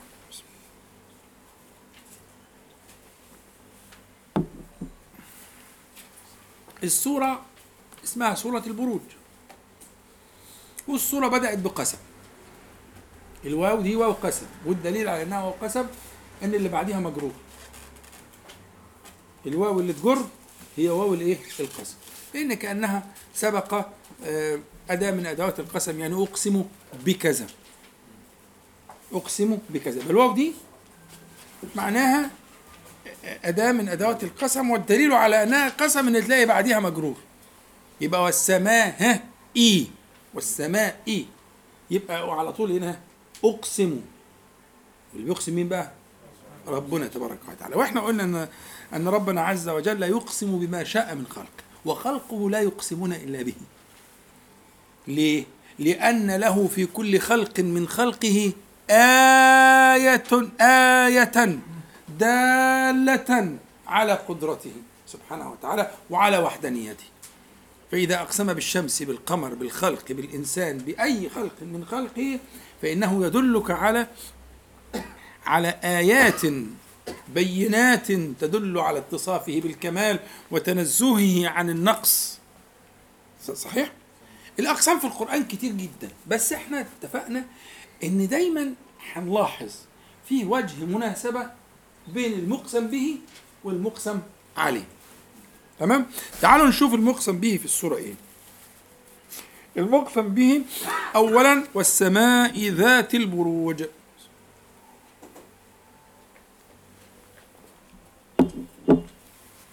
يعني إيه ذات البروج؟ سماء معروفة. يعني إيه ذات البروج؟ البروج المقصود بها أصل الكلمة أصل البروج. والبرج أصلها مادة ظهور وبدو. مش ربنا تعالى يقول ولا تبرجنا تبرج الجاهلية. لا هي من نفس المادة. ها؟ فالبروج والبرج والكلام ده معناه الشيء البارز الظاهر الذي لا يخفى. يبقى والسماء ذات يعني صاحبة التي فيها يعني. والسماء صاحبة البروج. نجعل البروج دي مقصود بها مجموعات من النجوم. بتتحرك إليها القمر والشمس ولها المنازل ودي مذكورة في سورة الفرقان بس مش موضوعنا دلوقتي. الفكرة فكرة إيه؟ فكرة إنه البروج اللي تعنينا هنا في القسم ده هي أشبه بما يقال لبروج المدينة. المدن بتبقى بأسوار وعلى الأسوار فيه بروج. بروج الحراسة وال... اللي بتدي بقى الإيه؟ تجعل لهذه البلد أو لتلك البلد أو لهذا الحي قداسة وحرمة وعليه بروج وحاجات زي كده. فلما قال ربنا سبحانه وتعالى فكأنه تشبيه بسور المدينة التي لها البروج. فكأن ال- ال- ال- ال- الفلك الفلك ده هذا الملكوت له بروج للحماية ولا. دخلنا إحنا في سورة في سورة إيه؟ في سورة قدس أو حضرة أو شيء له قدسية عليه بروج كأنها البروج للحماية. كلام جميل. يبقى السماء ذات البروج القسم الثاني واليوم الموعود. اليوم الموعود معروف اللي هو إيه؟ يوم القيامة. والموعود اسم مفعول يعني الذي وعد الله عباده. وعدهم. أن ربنا سبحانه وتعالى قال وما كنا لاعبين. مفيش عبث. أحاسبتم أفحسبتم أنما خلقناكم عبثا. حاشاه جل جلاله. فإيه اللي اللي يظبط الميزان؟ اللي يعدل الميزان إن فيه رجوع وفيه حساب وفيه عدل مطلق. والله لولا ذلك لانفرط العقد. لانفرط العقد. لكن مسألة الظلم والعدل والقهر وال- والعدوان من هؤلاء على هؤلاء هذه المسألة لا تستقيم إلا بأن تعتقد أن ثم يوما موعودا. ربنا وصف اليوم ده قال ونضع الموازين القسط ليوم القيامة. فلا تظلم نفس شيئا وإن كان مثقال حبة من خردل أتينا بها على الكفة وكفى بنا حاسبين بالله تعالى. لا يقدر على ذلك إلا هو. فيوم أنت في الحالة زي كده يجي لك إيه؟ يجي لك نوع من السكينة. وتقول صبرا صبرا آل ياسر فإن موعدكم الجنة. في حساب. وهيجي هؤلاء المجرمون. ها؟ آه وفي موازين وفي وفي وفي. واخدين بالكم؟ تمام. ف واليوم الموعود ففي هنا إضافة. يبقى بعد هذا ال ال ال ال ال اللي هو ال- البناء الذي له بروج وله صيانة وله حرس وله إلى آخره اللي هو السماء بالوصف ده الله تعالى يقسم بهذا الخلق العظيم. والخلق ده أصله حكايته برضه واخد صفة في القرآن الكريم لا لا يتصف بها شيء آخر في القرآن كله في الأقسام. الصفة بتاعت إيه؟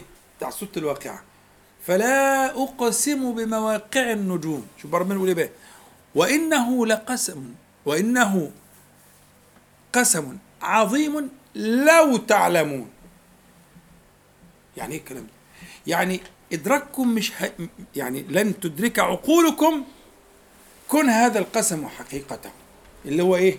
مواقع النجوم ما أصل يقول لك هناك المسافة بيحسبوها بال... بالسنه الضوئيه والسنة الضوئيه هي المسافة التي يقطعها الضوء في إيه؟ في سنة. طب هو بيقطع في الثانية قد إيه؟ وفي الدقيقة قد. و... وفي الساعة وفي الشهر. يعني أنت بتتكلم. بعد كده هتلاقي مخك كل. وعقلك توقف عن التصور. وده مطلوب. مطلوب إنه يقعد يتدرج معاك يتدرج معاك يتدرج لغاية لما أنت عقلك يكل. ويعجز. ها؟ يسجد ويسجد وأرقى سجود هو سجود العقل. بإعلان العجز. أن يعجز العقل. ونعترف إن العقل ده أداة مطية للوصول. هو ما لا يعد أن يكون مركبا تركبه لتصل إلى ال... أنا استسمحكم يعني تقلبها لفوق شوية عشان المباشر كده بتعبني جدا. جزاك الله خير. ها؟ أو تلف آه. لكن آه، خلاص يبقى. تتقلب أو لانها أو حولها بقى على الشباب دول. حولها على الشباب دول. أيوه. يدعوا لي بقى. يتهووا كاننا إحنا. كان توينا وزيادة. خدت بالك؟ ف آه، آه، يبقى مسألة ال- ال- ال- ال- ال- النجوم والسماء هذا من أجل آيات الله تعالى لو لو تعقلون لو تعلمون لو تدركون. فإذا ما أدركتم الحقائق ستعلمون آه، آه، عظمة الخالق سبحانه وتعالى وأنه شيء فوق العقل تصوره. اللي هيأتي بالايه بم- بمثقال الحبة. إن كان مثقال حبة من خردل أتينا به. تمام؟ واليوم الموعود وشاهد ومشهود. هنا طبعا في برضه في التفسير خلاف كتير في معنى الشاهد والمشهود لكن هو في النهاية الشاهد والمشهود على الوقائع. مش مهم الشاهد مين والمشهود مين لكن في النهاية ممكن الشاهد يكون رب العالمين سبحانه وتعالى الذي يعلم خائنة الأعين وتخفي الصدور. اتفضل يا شباب. لكن هو في النهاية الشاهد والمشهود اللي يهمنا على أي شيء؟ وكيف كان المشهود؟ فالله تبارك وتعالى يقول إنه آه، آه، فليعلم الظالم وليعلم المظلوم أن ثم شاهدا ومشهودا. مفهوم؟ هو ده المعنى. يبقى أقسم بشاهد ومشهود أقسم بيوم موعود أقسم بسماء ذات بروج. المدخل ده هو إعداد لموضوع السورة. موضوع السورة بيحكي لنا قصتين. قص- السورة بتدور على محورين. محور في أولها ومحور في آخرها. والمحوران يلتقيان. في التقاء للمحاور دي هيلتقوا. يلتقوا في إيه؟ في أسماء الله تعالى وصفاته. يبقى هي الإيه؟ القسم في الأول. والقصص في السورة بيلتقي بالدلالة يلتقي في الدلالة على أسماء الله تعالى وصفاته. سبحانه وتعالى. ركز معايا؟ حلو قوي فأنت فهمت فكرة الإيه؟ ال- ال- ال- ال- المقسم به عشان هنشوف وجه المناسبة بينه وبين المقسم عليه. كون محكم عليه أشداء عليه بروج فيه الضبط التام وفيه الإحاطة التامة وفيه يوم لا يتخلف عنه أحد أبدا وفيه شاهد وفيه مشهود. فالمدخل مدخل مهيب. مدخل الضبط والإحكام. مدخل إن مفيش حاجة هتضيع. مفيش حاجة هتروح. خلاص؟ فثم تبدأ السورة في على محورين. المحور الأول اللي هو محور ال ال ال القهر والظلم والإذلال والحرق لأناس ليس لهم ذنب إلا أنهم يقولون لا إله إلا الله. بس غير كده. وما نقوا منهم إلا أن يؤمنوا بالله. آه بس هنيجي بقى للصفتين دول. اشمعنى الصفتين دول؟ العزيز الحميد؟ واخد بالك؟ فده المشهد الأول. المشهد الثاني لمن هم أشهر منهم في البطش والقوة والجبروت وكيف انتقم الله تعالى منهم. هل أتاك حديث الجنود فرعون وثمود؟ خلاص. فهنا الفكرة أنت الإعداد في مقدمة السورة لمدخل مهيب عن كون منضبط غير فسكن قلبك. الكون منضبط. الرب حكيم الرب قدير لا يغيب عنه شيء ويقدر على كل شيء ويعلم كل شيء. فلا تكن فلا تكن هذا الغافل احذر فهنا دي البداية البداية بداية التسكين تسكين قلوب الناس. واعلموا أن ما يكون من ذلك إنما يكون لواحد للأسباب التي ذكرنا.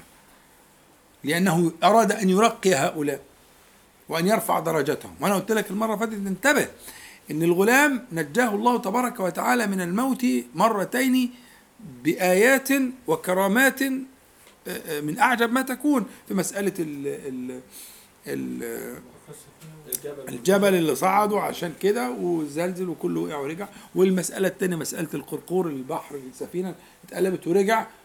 وفي الآخر قال له إنك لن تقدر عليه لأنك لن تقتلني إلا أن تأخذ سهما من كنانتي وتقول بسم الله رب الغلام فإذا قلت ذلك وفعل وآمن الناس. فإذا أنت لما تراجع الفكرة واخد بالك؟ تلاقي إنه آه، آه، آه، إنما هي هي ترقيه الله تبارك وتعالى رقى هؤلاء. لأن اللي نجاه في الأولى ونجاه في الثانية كان قادرا أن ينجاه في الثالثة. مش كده وبس؟ وأن ينجي هؤلاء جميعا. موجود يعلم لا يغيب لا ينام لا لا لا تأخذه سنة ولا نوم لا يخفى عليه شيء في الأرض ولا في السماء. افهموا. فالأدلة في نفس القصة نفسها الأدلة في اشتملت القصة على الأدلة على قدرته سبحانه وتعالى وعلى كماله سبحانه وتعالى وكمال أسمائه وصفاته. تمام؟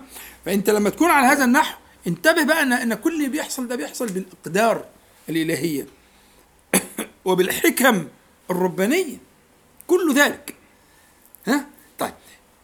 آه، آه، قتل أصحاب الأخدود. هم قتلوا. لو أصحاب الأخدود اللي هم المجرمين يعني في ناس في بعض التفاسير أصحاب الأخدود اللي هم. لكن هؤلاء المجرمون هم قتلوا. قتل دي كلمة معناها يا إما يكون معناها خبري يعني فعلا ده حصل يا إما يكون معناها دعائي دعاء. كقوله تعالى قتل الخراسون. كذبون يعني. دي جملة دعائية. والدعوة من ربنا سبحانه وتعالى ده خبر. يعني إذا ربنا دعا ها؟ فمحقق خبر هو في معنى الخبر. لكن هو بتيجي على بلسان عربي مبين. قرانا عربيا يعني جمال العربية. لكن هو الفكرة إيه؟ إذا قال الملك سبحانه وتعالى قتل الخراصون هم؟ يبقى مقتولون خبر. قتل الإنسان ما اكفره نفس الكلام. يبقى هنا لما تتقال قتل دي ما معناها إيه؟ وحتى لو كانت دعائية فهي في معنى الخبر. لأنه من الله تعالى. فلما قال جل جلاله قتل أصحاب الأخدود يبقى هنا وإن كانت دعائية فهي خبريه فكأن الله سبحانه وتعالى يخبر آه، آه، أهل الإيمان الم... القرآن ده نزل لمين؟ الكلام ده مش قال لهم ده بتقال لنا إحنا نزل في الصحابة الكرام وهذه الأمة إلى يوم القيامة. يقول كأن... الله تبارك وتعالى يقول كما ابتلي هؤلاء ال... ال... المؤمنون وستبتلون كما يبتلون كما كما ابتلوا ولا ينتقمن الله جل جلاله بقدرته ومن أعدائكم ومن آه، آه، الذين آه، آه، نقموا منكم لإيمانكم. لأن الغرض في الخطاب هو المخاطب مش حكاية الماضي. لكن حكاية الماضي دي جاية علشان تقريب الموضوع للمخاطب. فيقال له انتبه ستبلى وده زي حديث آه، اللي قلت لكم المرة اللي فاتت حديث خباب. لما اشتكى للنبي صلى الله عليه وسلم وقال أتدعو لنا ألا تستنصر لنا وكان متكئا بالكعبة ثم اعتدل وظهر الغضب عليه صلى الله عليه وسلم وإلى آخر الحديث أنتم فاكرين. فلابد من حصول ذلك لتبلون كما ابتلي من كان قبلكم. ولا ينتقمن الله عز وجل من من فتنكم كما انتقم من هؤلاء. طب إيه الدليل إنه انتقم من هؤلاء وقوله تعالى إيه؟ قتل. قتل فهذا حكم خبر وإن كان دعائيا لأن في ناس قالوا دعاء بيستوي. صدقني في حق الله تعالى يستوي الدعاء مع الخبر. هي في الحقيقة أنه حكم من الله تبارك وتعالى على هؤلاء المجرمين أنهم قتلوا. وسيقتل آه، آه، آه، هؤلاء الذين يحاربون الله تعالى ورسوله في هذه الأمة. فيا أيها الأمة المحمدية التي نزل عليها القرآن. انتبهوا إن الله تعالى سينتقم لكم. اصبروا كما صبر الذين ابتلوا من قبلكم. يبقى كلمة قتل أصحاب الأخدود هي بداية القصة وفي الحقيقة هي نهاية القصة. يعني هي القصة خلصت من أول كلمة. كأن أنت عارف لما. ولله المثل الأعلى. تيجي رواية ويجيب لك في أول الرواية يجيب لك آخر آخر الرواية. بينما الباقي كله بيسموه فلاش باك يجيب لك الايه إيه، تعالى بقى أقول لك اللي حصل حصل إزاي. تعالى أحكي لك اللي حصل حصل إزاي. هي أصل نهاية القصة في أولها. فاهم الفكرة؟ ما أنت لازم كمؤمن تفهم. هي نهاية القصة في أولها. قتل أصحاب ال- خلاص خلص. بس عم أقول لك حصل إزاي بقى. والحكاية والتفاصيل اللي إيه؟ اللي هي ممكن تحرك الايمان في قلبك وتهيج معاني إيه إيه إيه الصبر والصدق لكن في النهاية قتل. قتل في الأولين وقتل في الآخرين وقتل إلى يوم الدين. ليه؟ لأن بيقول قتل ده ربنا سبحانه وتعالى. الملك ملك الملوك. خلي بالك القصة كلها استخراج ما في قلبك من التوحيد والإيمان بأسماء الله تعالى وصفاته. دي حقيقة صدقوني. والله ثلاثة. كل العلوم النافعة تأخذ بيدك برفق إلى أسماء الله تعالى وصفاته. وأمارة العلم النافع كده. وأمارة العلم غير النافع أنه لا ينتهي بك إلى أسماء الله تعالى وصفاته. كل العلوم اللي تخطر على بالك حتى النحو. أي علم لا يأخذ بيديك برفق إلى أسماء الله تعالى وصفاته لا يكون نافعا. ده هو خلق الكون كله عشان كده. سبحانه وتعالى جل جلاله السماوات والأرض الكون كله خلقه ليدلك عليه بآيات مقروءة وآيات مشاهدة. آيات الكون زي آيات القرآن. دي آيات ودي آيات. وفي النهاية وفي أنفسكم. أفلا تبصرون؟ كل ده عشان إيه؟ ليدلك عليه. على إيه؟ على قدرته على علمه على حكمته على رحمته. هو كده وت- و- و- وتتنعم بقى بالدخول في هذه الجنان اللي هي جنان الأسماء والصفات. وأكثر حاجة مذكورة في القرآن الكريم هي أسماء الله تعالى وصفاته. على الإطلاق. ما أنت يا أخي بتلاقيها في آيات الأحكام في مواضع مذهلة. آيات الطلاق ومش عارف البتاع حاجات دقيقة جدا. وانت لك واعلموا في الخطبة خطبة المتوفى عنها واعلموا أن الله يعلم ما في أنفسكم. فاحذروا. ده أنت بت- بت- بتغيب بقى عن قصة المطلقة وت- وتخش أنت في العالم ده. سواء بقى انت عايز تخطب ولا مش عايز تخطب ولا وكل بقى المخاطبين يدخلون في هذه الأفنان. اعلموا أن الله يعلم ما في أنفسكم فاحذروه. ده أنا جايب لك في آيات إيه؟ آيات الأحكام والطلاق والعدد وال هي الغاية هي دي الغاية العظمى من الصلاة ومن الصيام ومن الذكر ومن الدعاء من العمل الصالح. هو دي هو دي آية الآيات. أن تأخذ هذه العلوم أن تأخذ بيدك برفق.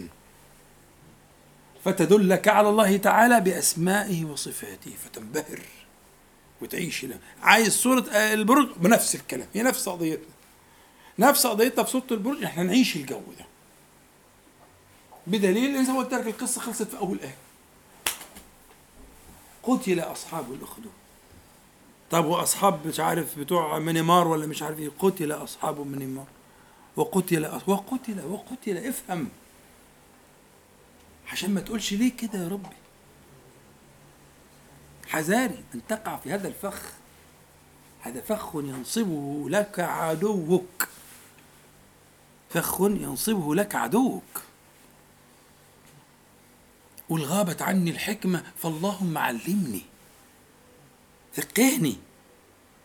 السؤال عن الحكمة مشروع. والبحث عن الحكمة مشروع. بل هو ترقي. مش بقول لك ما تبحثش عن حكمة بس ابحث عن الحكمة حكمة بحث الموقنين. بحث الموحدين. بحث الملائكة المكرمين. ألم يقولوا لله تعالى أتجعل فيها من يفسد فيها ويسفك الدماء؟ مش قالوا كده؟ أكانوا معترضين؟ بل كانوا باحثين عن الحكمة. عايزين تعبد وترقي. إزاي يا ربي؟ اللي من ماء وطين ده هيركع ويسجد ويعبد ويعبد ويبذل ماله ونفسه في سبيلك أتراه يصنع ذلك. ما هو مشاهد الخلق الأول. بتاع الطين والمية ده ده عكرة خالص. ده عنده ميل هم؟ للطين. هو من طين عنده ميل للطين. ما لكم إذا قيل لكم انفروا في سبيل الله إيه؟ ها؟ اثاقلتم إلى الأرض عارف اثاقلتم الأرض دي؟ يعني حنيتوا للطينة بتاعتكم الطين بيحن للطين الطين بيحن للطين هو لا فوق لا الشريعة جت عشان ترقيك شوف بقى شوف الملائكة تعجبت فدلنا يا رب على حكمتك البالغة في إيه؟ في خلق هذا المخلوق وازاي ده المخلوق ده معقولة؟ هيعمل ويعبد ويركع ويسجد ويصوم وي- ويصلي ويجاهد ويبذل المال والنفس. قال إني أعلم ما لا تعلمون. فترقبوا فقعدوا متشوقين ولذلك يحبوكوا جدا. ملائكة تحبوكوا جدا. تحب الطائعين والذاكرين حب فوق الوصف. وتناصرهم وتجالسهم وتفتش عنهم تبحث عنهم. فرحانين جدا بيكم وفي ظهوركم على طول. ده وانت نايم بيقفوا يحرسوك إذا قريت آية الكرسي. فهي الفكرة إنه آه، آه، آه، قضية الأسماء والصفات هي قضية القضايا. كل قضية منتهاها كل قضية شرعية صحيحة منتهاها إلى الدلالة على الله تبارك وتعالى بأسمائه وصفاته. قتل أصحاب الأخدود. النار ذات الوقود يعني في الأخدود إذ هم عليها قعود يعني صورة في منتهى الإجرام إن مش بيحرقوا بس إنما هم يراقبون يراقبون ويتأكدون ومش عارف إيه ويستمتعون ويتلذذون. يعني صورة من الوحشية آه، آه، غير متصورة. خدت بالك؟ ف آه، إذ هم عليها قعود وهم على ما يفعلون بالمؤمنين شهود. وخلي بالك كلمة الشهادة والشهود اتكررت في السورة في مواضع في منتهى الجمال والدقة. أولها في القسم. وشاهد ومشهود. تمام؟ يبقى أنت خلي بالك إن الشهود أنواع وأشكال. وإن كل شاهد سيستنطق. مش كده؟ ففصلت يوم تشهد عليهم ألسنتهم وأيديهم وأرجلهم يعني في الشهود أنواع كتير؟ فالشهادة المقسم بها في أول السورة الشهادة هتلاقيها معاك مغطية مساحة السورة كلها. إن القضية قضية إن ما فيش يعني أصل الشه- الشهادة في في يقابلها الإيه؟ الغيبة والغفلة. لا ما فيش ما عندناش الكلام ده. ما عندناش غفلة ما عندناش غيبة ما عندناش صغيرة ولا كبيرة تروح ابدا. ده تبسمك يا أخي في وجه اخيك ما بيروحش لو قلتها بصدق كده وابتسمت فعلا. ابتسامة بريئة مش ابتسامة يعني لها حساباتها يعني. لو ابتسامة بريئة كده ها ما بتروحش بتتدون. المسح على رأس اليتيم. انت لا اديته أبيض ولا أسود ولا كفلته ولا عملت حاجة خالص. ده انت بتاخد ثوابه على طول في مقابل في قلبك على طول. يذهب بقساوة القلب ويرققه. مفيش حاجة اوعوا تفتكروا إن في حاجة بتروح. مش هقول لك ده مش هقول لك بقى التسبيحة ولا ده التسبيحة ده انت عملت شغلانة جامدة قوي والذكر انت عملت ده انت عملته. وخرجت للكون ذكر وباقي و... ها؟ وهم الجماعة المهندسين اللي زي حالاتكم بيقولوا إن الطاقة آه، لا تفنى. مش اسمها حاجة تفنى. مفيش فناء. كله مدون كله محفوظ. ووجدوا ما عملوا حاضرة ولا يظلم ربك أحد. يا ويلتنا ما لهذا الكتاب لا يغادر صغيرة ولا كبيرة إلا أحصاها. أي نعم أي نعم. ده العلم اللي أنتوا تدرسوه ابتدى يذهب إلى ذلك. كل شيء محفوظ. الصغيرة والحلوة والمرة وكله محفوظ. فيبقى أنت ترجع يبقى وش قصة وشاهد في بداية السورة لما القسم كده هتلاقيه مغطي معاك مساحة السورة كلها. وهم على ما يفعلون بالمؤمنين شهود. وما نقموا منهم إلا أن يؤمنوا بالله العزيز الحميد. الاجتماع الاثنين دول مع بعض في الأول كده لبادي النظر يبدو مش متناسق ولا متناسب. ليه؟ العزيز من العزة يعني الغالب الذي لا يقهر. دي معناها العزيز. والحميد يعني الذي يحمد من خلقه. الحميد صيغة مبالغة من الحمد. فهو يحمد من خلقه يعني يثيب على كل فعل خير وكل عمل صالح. دي معنى الحميد.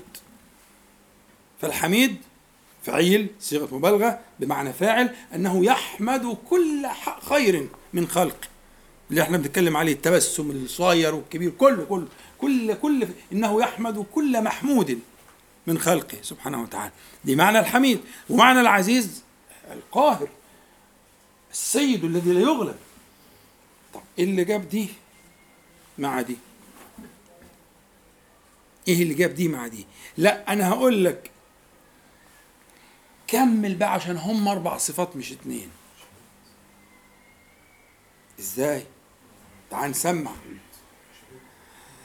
العزيز الحميد الذي آه له ملك السماوات والأرض. والله على كل شيء شهيد. يبقى أربعة لا؟ أربعة. أربعة. الأربعة دول في مقام واحد. اللي هم العزيز الحميد الملك. له ملك السماوات. الملك المالك. الاثنين بتوع الفتح. مالك وملك. الملك المالك ها؟ الشهيد. هم دول أربع صفات كده. جم هنا جم هنا تعقيب على ال على ال على ال الوجع الوجع الجامد قوي الذي أصابنا. إحنا أصابنا وجع هم عليها قعود ويلقون في النار. يعني في ألم فقال لك وما منه إلا يؤمنوا بالله العزيز الحميد الذي له ملك السماوات والأرض والله على كل شيء شهيد. فجاءتني الآيات بصفات أربع ل- لله تبارك وتعالى وأسماء أسماء وصفات. علشان إيه؟ علشان تعلق ما كان قبل هذه الأسماء بتلك الأسماء. إيه بقى وجه المناسبة؟ وجه المناسبة أنه تنبيه وإشعار على مناط إيمان هؤلاء. يعني إيه مناط إيمان؟ يعني إيه المناط؟ المناط قلت لكم قبل كده معناه اللي هو ما يتعلق به الشيء. ده المناط. بتوع الأصول للتحقيق المناط. يعني إيه؟ يعني لو مثلا دقيت مسمار ولا علقة كده في البتاع وبتعلق عليها هدومك أو بتعلق عليها مش عارف إيه اللي إحنا بنسميها الشماعة ولا إيه إيه. هذا هو المناط. المناط هو ما يتعلق به الشيء. فيقول مناط إيمانهم يعني ما تعلق به إيمانه يعني إيمانهم متعلق بصفات أربعة اللي هم المجموعة اللي صبروا على الحريق وحصلت القصة المشهورة إن الولد الطفل الرضيع كلم أمه لما لقاها مترددة مشفقه على الطفل الرضيع ده فثبتها على الحق وتكلم وهو ممن نطق في المال كما في الحديث الصحيح. اللي شرحناه؟ يبقى ما- مناط إيمان متعلق إيمان هؤلاء ال- ال- الشهداء الذين رقاهم الله تعالى واتخذهم شهداء وبلغهم المنازل العليا على فكرة. هم لا يحزنون ولا يخافون. إحنا قلنا الحزن متعلق بالماضي والخوف متعلق إيه؟ متعلق بالإيه؟ بال- بالمستقبل تمام؟ يبقى لا ماضي ولا مستقبل لا خوف عليهم ولا هم يحزنون. يبقى لا يخافون ولا يحزنون ولا يتألمون ولا يندمون بل هم يتنعمون؟ بل هم يرزقون بل هم يسألون الله تعالى. خلي بالك الحديث صحيح. أن يرجعهم الله تعالى ويعيدهم إلى الدنيا فيموتوا في سبيله مرة أخرى. لما رأوا من الكرامة بتعيط أنت على إيه بقى؟ عايز تعيط بصراحة؟ عيط على روحك من غير زعل يعني. إذا كان هم كده. رضوا عن الله تعالى. ورقاهم وبلغهم ولا يحزنون ولا يخافون ولا يتألمون ولا يتوجعون. إنما عند ربهم يرزقون. أحياء حياة تليق بهم أحياء عند ربهم يرزقون. أنت إيه حكايتك؟ أنت إيه اللي مدخلك في المنطقة دي؟ هم رضوا عن الله تعالى ورضي عنهم. يا أخي اطلع أنت من القصة دي مش تبعك. افهم بقى. ده هي بتتحكي لك أنت عشان يمكن لعل ربما تحرك شيئا فيك. مثلا يعني واخد بالك؟ هو ده الغرض وانت فاكر بتحكي ليه؟ عشانك انت. لكن هناك لا لا لا لا. هؤلاء رقاهم الله تعالى. وانت بالك لو الغلام ده كان عاش وما اتقتلش القتلة دي كان يبقى أحسن له؟ طب ما هيموت. بعد خمسين سنة بعد مئة سنة بعد ولو الأعمار الأمم اللي قبل كده دي هيعيش حتى ألف سنة. إيه المشكلة؟ وهيموت في الآخر. لكن كده كده رقاه الله تعالى. رقاه رقاه يا جماعة رقاه. فانتبهوا وافقهوا عن الله تبارك وتعالى. فهنا آه، آه، الأربع صفات دول بيقولوا والأسماء والصفات دي بيقولوا دي مناط ها؟ إيمان هؤلاء. ذكر الله تعالى فكأنه تعريض بمناط إيمانهم لمن شاء أن يسلك مسلكه. يعني اللي عايز يعرف السكة دي؟ تعالى بقى معايا. العزيز أول حاجة عشان نقفل الباب بتاع الإيه؟ الشك. ما, ما فعلوا ذلك خروجا عن إرادته حاشاه ما فعلوا ذلك خروجا عن قدرته حاشاه ما فعلوا ذلك خروجا عن علمه حاشاه فانتبه. العزة. فبدأت بالعزة. الذي لا يقهر العزيز لا يقهر. هو القهار هو القاهر الذي لا يقهر. هذا من عزته سبحانه وتعالى. فعزة في الذات وعزة في الشأن جل جلاله. يبقى أول حاجة بيحملك عليها السياق الجميل العظيم عزة الله تعالى عشان تنتبه وتفهم الحكاية دي. إن شئت بلاش إذا شئت ها؟ أن تسلك هذا السبيل فاعبد الله تعالى بتلك الأسماء. وهكذا الصفات. العزيز. الحميد مهم جدا. زي ما قلت لك يعني ما فيش حاجة هتروح أبدا. ده لحظة خوف أنت عشتها ما بتروحش. لو الباب خبط عليك مثلا في ساعة متأخرة ولا حاجة طلع في الآخر واحد آه، بيسأل عن شقة ولا بتاع ها؟ مثلا يعني. وأصابك من الخوف ما بيروحش. والله ما بيروح. ولا لحظة خوف بتروح. داخل على لجنة ولا أي بلوة سودة وعمال تحسبها بالطول والعرض. وبعدين عدت. ما راحتش. ما فيش حاجة بتروح عنده. عند المخلوق بتروح. لكن عنده هو لا. جل جلاله. فدي كلمة الايه؟ ها معايا؟ ها؟ الحميد. دي الحميد. افهم. العزيز دي فهمتها. إن اللي حصل ده كله في عزته سبحانه وتعالى. لا يقهر إرادته ابدا قاهر ابدا. فهو في عزته سبحانه وتعالى. وبعدين الحميد الحميد ولا ولا ولا تفكر في ولا أنت ما انتش عارف أنت هو الذي يعلم. اللحظة اللحظة. من خوف. مش هقول لك إنك أنت آه، أموالك ولا صحتك ولا عافيتك ولا مش عارف اللي ضحى بقى بعين من عينيه ولا رجل من رجليه ولا اللي مشي أعرج ولا اللي مشي مش عارف إيه ولا الصحاب. لا لا لا لا لا. دي حاجات واضحة قوي ده أنا هقول لك ما هو دون ذلك بكثير جدا. ليه يا ابني؟ بتقول لي كده ليه؟ لأنه إيه؟ الحميد. فهمتها بقى؟ العزيز الحميد. تعال بقى في اللي بعديها. جت بإيه؟ بطريقة الاسم الموصول. عشان في جملة بقى جملة صلة. جملة صلة بقى هت إيه؟ هتدخلنا في في الملكوت. الذي له ملك السماوات والأرض. اصحى.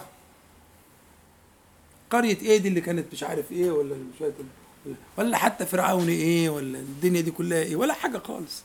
ده ده له ملك السماوات والأرض. الملك في قبضته سبحانه وتعالى. فاستصحب معك هذا الإيمان في هذه الرحلة الذي له ملك السماوات والأرض. ونختم لثالث مرة في السورة بالشهادة. والله على كل شيء ها؟ شهيد. افتكر مرتين قبل كده. بس بقى دي شهادة مين؟ رب العالمين. شهادة رب العالمين. دي شهادة رب العالمين. والله على كل شيء شهيد. خلاص؟ فهم علمونا قالوا لنا إن ده مناط إيمان هؤلاء. فهو يرسم لك الطريق إذا أردت أن تكون على سبيلهم على طريقهم. هو ده الطريق. طريق العزيز الحميد الذي له ملك السماوات والأرض الشهيد. سبحانه وتعالى. استحضارك لهذه الأسماء والصفات هيرقى بإيمانك ويرقيك ويفهمك ويفهمك إيه؟ ما كان من شأن من هذا الشأن والحكم ال ال ال البديعة طب افرض مثلا إيه؟ آه، ما كانت اصلح كل ما يعملوا النار دي تيجي سحابة وتروح مطفية النار دي. ومش عارف يعملوا حصل كده مع الغلام. ما من شوية حصل مش جديدة يعني. نقول على طريقة على طريقة إيه؟ على طريقة ال ال ال ال ال إنجاء الغلام. ما حصلش المقصود. حصلش المقصود. ما لم يرقوا هذه. وليتخذ منكم شهداء. رقاهم. ممكن فيهم ناس كانت عادية جدا بس إيمانهم كبير. بس أفعالهم كانت متواضعة. أو عندهم معاصي زي حالتي كده وعندهم لخبطة ومش عارف إيه. يوم ربنا يختار لهم أشياء يرقيهم به ينقيهم به واخد بالك؟ حكمته. الكلام ده قلنا المرة اللي فاتت لو ترجعوا لل- للدرس المرة اللي فاتت اتكلمنا على من الحكم أن الله سبحانه وتعالى يتخذ الشهداء يرقي من اختار من وربما لا تصل أعمالهم إلى هذه الرتب. وده موجود في حياتنا. يعني من حكم البلاء العادي المرض مثلا أو ال- الفقد الأحباب أو إلى آخره من هذه الحكم أن الله تعالى يرفع الدرجة. أنت عملك مش جايبك بس هو أحب شيئا فيك. سبحانه وتعالى. رضي مخبوءا في قلبك. نظر إليه فرضيه. أراد أن يرقيك بس أنت نايم في الخط. هم؟ يرفعك من سكة تانية. يلهمك الصبر والرضا ويبتليك. فيرقيك. حكمته. ما هو دي الحكمة بقى. حكمة الحكيم سبحانه وتعالى. فما حدش يتألى على حد. ما حدش يتألى على حد. سيبوا كل واحد منه لربنا. عايز تنشغل اشتغل بحالك. شوف حالك انت إيه عشان إيه ما تنشغلش بحد تاني. أنا مش عارف أنا زودتها. يعني نكمل عشان لا أنا كده إحنا كده زودنا ساعة ونص. لو أنا شغل. هيمشي. زي الجمعة. لا عايز يمشي يمشي. آه لا. افتح الباب. اللي عايز يشوي يشوي. واللي عايز يقلي بس بس إحنا قاعدين أنا شايف أنا شايف ممكن إحنا مفيش يعني لو ده موقف لا مفيش ممكن موقف. أنا ورايا أنا ما مش لاقي حاجة اقولها أنا ورايا خبط خبط عايز أقول ده رصيد الحياة طب أنا أقترح ان نقف- إن إيه واحدة ونقف عشان نقف في بقيه الصورة يعني بعد إذنكم يعني لأن الساعة ونص كتير قوي أنا ما كنتش والله ما مش قصدي يعني ما خدتش بالي بصراحة. طيب إحنا الآية اللي بعد كده نختم بيها إن شاء الله قوله تعالى إن الذين فتنوا المؤمنين والمؤمنات ثم لم يتوبوا فلهم عذاب جهنم ولهم عذاب الحريق. الحقيقة الآية دي كانت عاملة لي إشكال أنا شخصيا. زمان يعني قبل ما ربنا يفتح علينا ونعرف طريق ال ال يعني قراءة التفسير على أصوله يعني. ف كانت بتوجعني قوي ثم لم يتوبوا دي. اللي حرقوا واللي ما حرقوا واللي عملوا القصص دي. ثم لم يتوبوا. وبعدين ثم دي في التراخي. ما أنا بقول لك يعني ثم دي في التراخي. يعني يعني في تراخي زماني. ما التراخي هنا زماني مش رتبي. يعني تراخي زماني. يعني برضو تركهم فترة. ما أخذهمش بغتة كده ومش عارف إيه. إحنا مؤمنين بالحكمة بس مش فاهمين. مش فاهمين إيه الحكاية. فهو الحقيقة عشان نختم بقى إن شاء الله وممكن نرجع نفس الآية المرة الجاية بس يعني إيه نختمها ختام يبقى مناسب لل لما بقي من الوقت يعني إن شاء الله تعالى هو في الحقيقة إن الصواب عند المفسرين وبعد طول البحث يعني إن الآية دي مش في أصحاب الأخدود. الآية دي مش في أصحاب الأخدود، لأن ال- ال- التاريخ والأحداث بتقول إن هم ما تابوش. بدليل يعني إحنا قلنا القصة ابتدت بنهايتها. فإزاي يتقال قتل؟ ويتقال ثم لم يتوبوا. وفي أدلة تانية بس مش مناسبة دلوقتي أقولها بعدين إن شاء الله. لكن الصواب عند المحققين من المفسرين أن قوله تعالى ثم لم يتوبوا دي للمخاطبين في أيام النبي عليه الصلاة والسلام. لأن فعلا في ناس فتنوا المؤمنين والمؤمنات وتابوا وكانوا عمر بن الخطاب.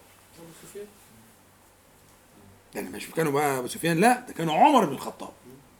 يعني بلغوا أعلى المراتب. ففتح الباب هنا كان للمخاطبين ما كانش للي قال اللي قيل عنهم إيه؟ قتل. لا قتل خلصت. قتل خلصت ده حكم. حكم.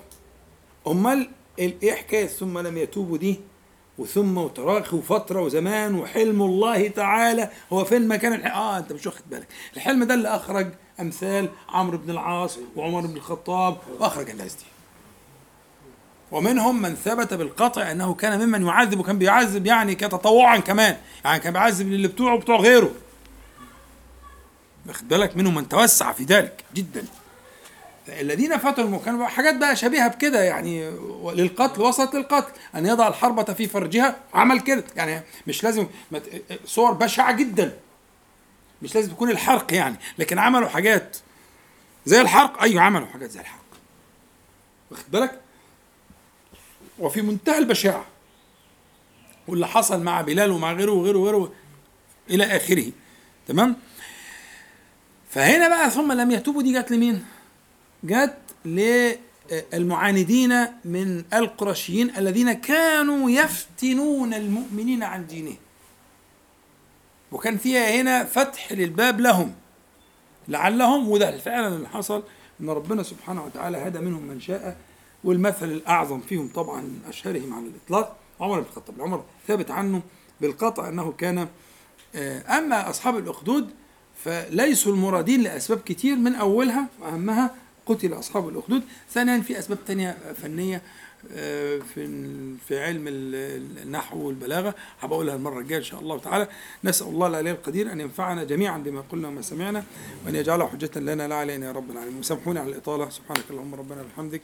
أشهد أن لا إله إلا أنت أستغفرك وأتوب إليك.